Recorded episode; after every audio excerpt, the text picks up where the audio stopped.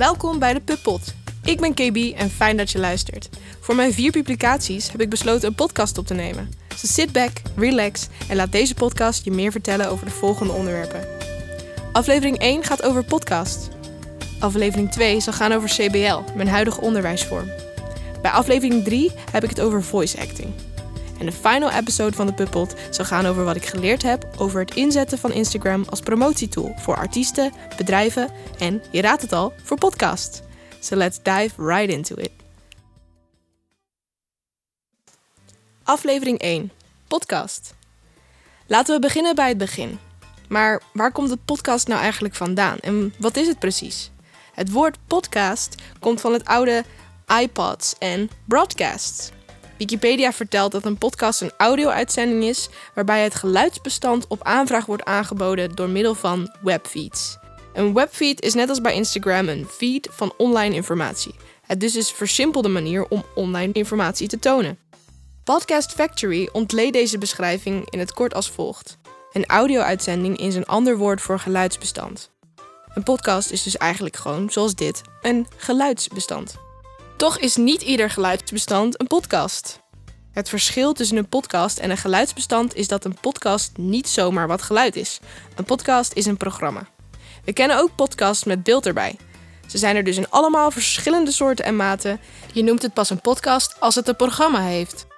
Je vraagt je dan af: is een podcast dan niet gewoon een radio-uitzending? Want als je in je auto rijdt en je doet de radio uit, hoor je ook een geluidsbestand in vorm van een programma. Maar wat een podcast nou echt een podcast maakt, en radio radio, is dat podcast on demand is. Een podcast is eigenlijk een on-demand radioprogramma waarbij je zelf kan kiezen wanneer en naar wie je luistert. Ze kunnen met of zonder beeld en zijn op bijna alle streamplatformen te vinden. Nou, nu we dat weten, hoe gaan we nou er eigenlijk voor zorgen dat deze podcast ook echt beluisterd wordt? Om te zorgen dat je een podcast creëert die je doelgroep bereikt en betrekt, moet je goed bedenken wat voor doelgroep je wil bereiken. Dit begint bij het identificeren van waar je echt gepassioneerd over bent, wat je nou boos maakt of wat je nou beweegt. Een podcast kan alleen succesvol worden als je weet waar je het over wil hebben. Wat is je verhaal? Waar wil je kennis over delen? Of waar wil je awareness over verspreiden? Denk hierover na en creëer vervolgens een persona van jouw ideale luisteraar. Op Fontis heb ik voor heel veel vakken persona's moeten maken. Een persona is eigenlijk uh, in kaart gebracht een fictief ideaal persoon. Waarbij je bijvoorbeeld uh, de leeftijd, de, um, het gender, waar ze slapen, wat ze doen, uh, waar ze wandelen, wat voor opleiding ze hebben gedaan. Alles wat je kan bedenken om in kaart te brengen wat jouw ideale luisteraar is. Bob den Hartog, marketingmanager bij podcastproductiehuis Dag en Nacht. Amanda Brouwers van de Rijksuniversiteit in Groningen en productiebedrijf Potgrond hebben het eerste serieuze podcastonderzoek gedaan. Dit was echt bijna zeven jaar nadat de eerste podcast uitkwam. Het onderzoek kreeg de titel Nederlandse podcastluisteraars. Van audiobehang tot zuurstoftank. Uit dit onderzoek blijkt dat er iets vaker mannen naar podcast luisteren dan vrouwen gemiddeld dan tussen de 28 en 44 jaar, vaak hoger opgeleid. Truth is, het scheelt niet heel veel hoor. 50% is man en 44% is vrouw. De grootste verzamelplek voor podcast is iTunes of Apple Podcast. Dat is wel 65% van alle podcasts die er zijn. Het is heel belangrijk dat je titel en omschrijving voldoet aan een aantal eisen om je vindbaarheid te optimaliseren. Gebruik ook steekwoorden in je titel, Laat je naam uit je titel, want dit kan ook gewoon in je omschrijving. Gebruik ook steekwoorden in je titel. Dit zijn woorden die ervoor zorgen dat mensen je gemakkelijk kunnen vinden. Bijvoorbeeld, ik maak een podcast over podcast. Uh, dit is een podcast voor mensen die willen beginnen met de podcast. Nou, dan zou mijn titel bijvoorbeeld kunnen zijn: Een beginnershandleiding over podcast. Hm, wel jammer dat ik er dan podcast over podcast van heb gemaakt. Laat je naam uit je titel. Dit kan ook gewoon in je beschrijving. Probeer hierdoor zoveel mogelijk vage beschrijvingen te vermijden. Heel erg weverig, weverig gaan doen over. Um, ik neem jullie mee op een reis door het leven van audiobestanden. Ja, dat werkt niet helemaal. In je omschrijving gebruik je volginformatie. Wie ben je? Wat doe je? Wat is je missie? Wat ga je doen? En wat ga je gebruiken in je show? Waar ga je het over hebben? In elke aflevering wil je ervoor zorgen dat je luisters iets doen, of iets krijgen, um, iets kunnen delen of te downloaden. Een call to action. De meest gebruikte call to action is om je luisteraars te vragen om iets te beoordelen, liken of te delen. Beoordeling en reviews stimuleren het publiek om naar je podcast te luisteren. Dit werkt het beste in de meeste podcast-apps. Het kan ook handig zijn om een screenshot toe te voegen. Bijvoorbeeld als je dan beeld hebt of uh, als je het gaat promoten op Instagram. Voeg gewoon een screenshot toe van hoe luisteraars iets kunnen delen, liken of abonneren. Als je evenementen hebt, deel deze. Ben je op zoek naar een sponsor of heb je reclames en mensen die je al sponsoren, deel dit dan ook. Dit is puur en alleen een manier om jezelf op de markt te zetten. Bob en Amanda komen in hun onderzoek tot de laatste conclusie welk verdienmodel van podcast het beste zal worden ervaren door luisteraars. Ze zeggen: Luisteraars schatten in dat advertenties in vergelijking tot sponsoring, donaties of een abonnement een podcast het meest onafhankelijk en toegankelijk zou houden. Nou, simpel toch? Nu we dat hebben besproken, heb ik wat tips en tricks voor je op een rijtje gezet om te beginnen met je eigen podcast. Ten eerste, bedien je niche. Bedien niet heel Nederland. Hier bedoel ik eigenlijk mee, bedoel je niche publiek, je doelgroep. Um, zoals we eerder hebben besproken, je hebt persona's gemaakt. Vervolgens ga je kijken, oké, wie is mijn ideale luisteraar? En dat publiek is juist het publiek wat je wil gaan bedienen. Als je iets voor iedereen gaat doen, haken mensen juist heel snel af. Voordat je begint met de podcast, maak een checklist voor jezelf. Dit gaat van een post schedule, dus wanneer je gaat posten, tot aan het voorbereiden van je audioset en alle accounts op je platform ready hebben. Doe je huiswerk voordat je begint. Dit scheelt ontzettend veel tijd, moeite, energie en het is gewoon zo overzichtelijk voor jezelf. Zorg ervoor dat je je basisformat in kaart brengt. Met je basisformat bedoel ik dat het van belang is dat je voor elke aflevering een bepaalde manier hebt van hoe de show verloopt. Er zijn veel interviewers die hun gasten elke show dezelfde soort vragen stellen.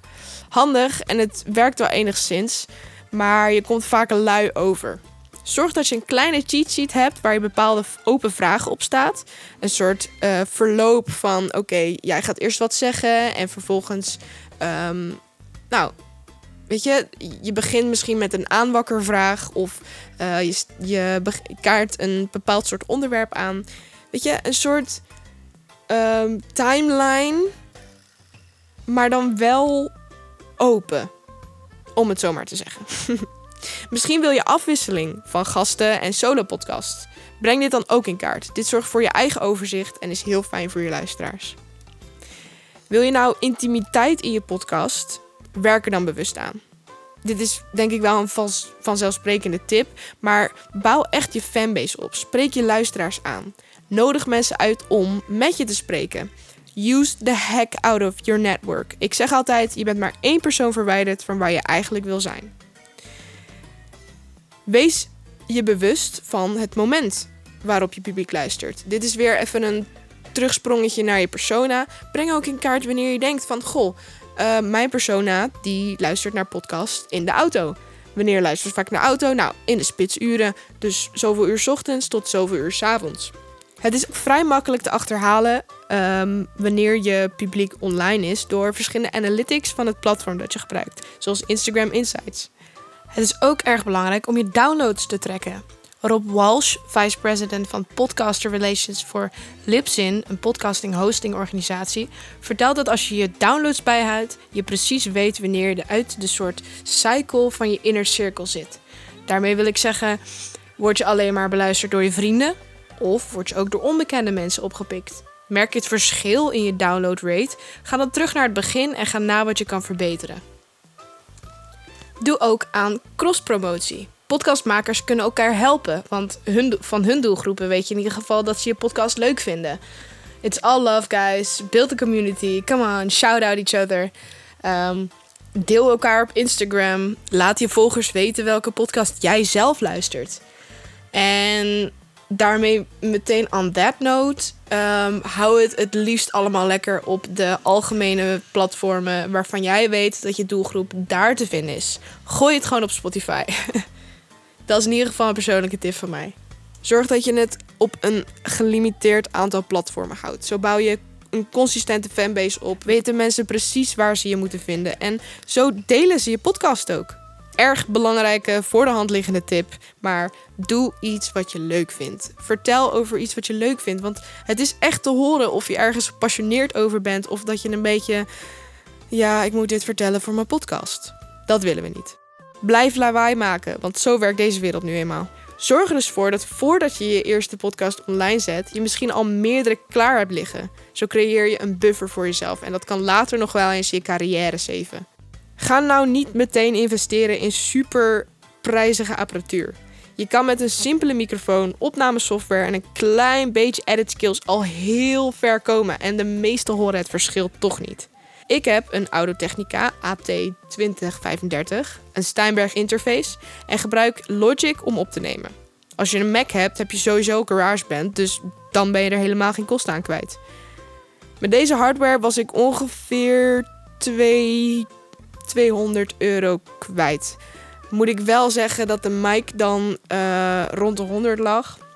Interface was um, 70, 80. Uh, kijk, als je een USB-mic hebt, dan heb je alleen een mic nodig. Misschien een stand is wel fijn. Je kan echt heel goedkoop kwaliteit podcast opnemen. Zodra je podcast online is, be ready to become a podcast promoter. Dit spreekt natuurlijk ook wel voor zichzelf, maar doe het alsof je leven ervan afhangt.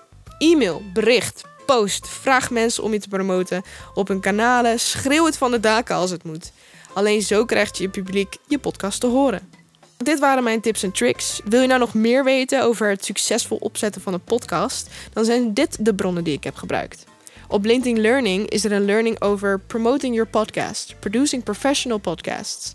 Dit is een hele fijne man die je alle ins en outs vertelt over ja, how to produce a professional podcast.